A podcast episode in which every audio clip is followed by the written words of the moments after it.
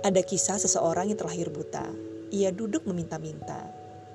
Lantas ada yang bertanya, "Guru, orang ini buta sejak lahir. Siapakah yang berdosa? Orang ini atau dosa orang tuanya?" Lalu sang guru berkata, "Bukan salah siapa-siapa, melainkan ada pekerjaan Tuhan yang akan dinyatakan di dalamnya." Sepenggal cuplikan tersebut menjadi rema di hati saya hari ini, bahwa kita manusia kerap berasumsi bahwa hal yang buruk terjadi karena dosa atau kurang amal.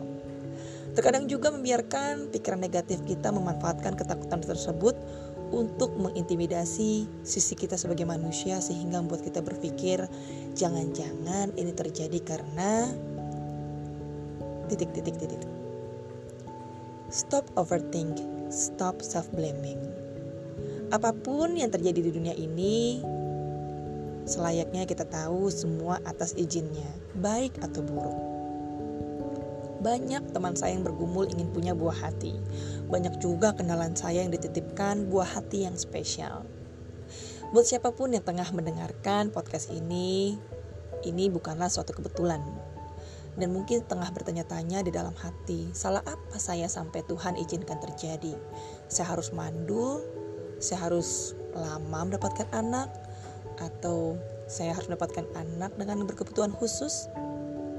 Saya ingin berbagi kabar baik. Ini semua bukan salah siapa-siapa. Bukan masalah pantas atau tidak pantas, bukan masalah yang yang lain lebih siap dan kita belum siap. Tapi sebaliknya, ini semua adalah pemberian dari yang di atas. Saat yang rentan seperti ini, penting bagi Anda untuk melakukan selective hearing karena tidak semua nasihat, solusi bisa bermanfaat untuk kesehatan mental Anda. So take good, so take good care of your heart. Semata-mata semuanya untuk pekerjaan Tuhan yang dinyatakan di dalam hidupmu. Have a blessed life and have a great marriage.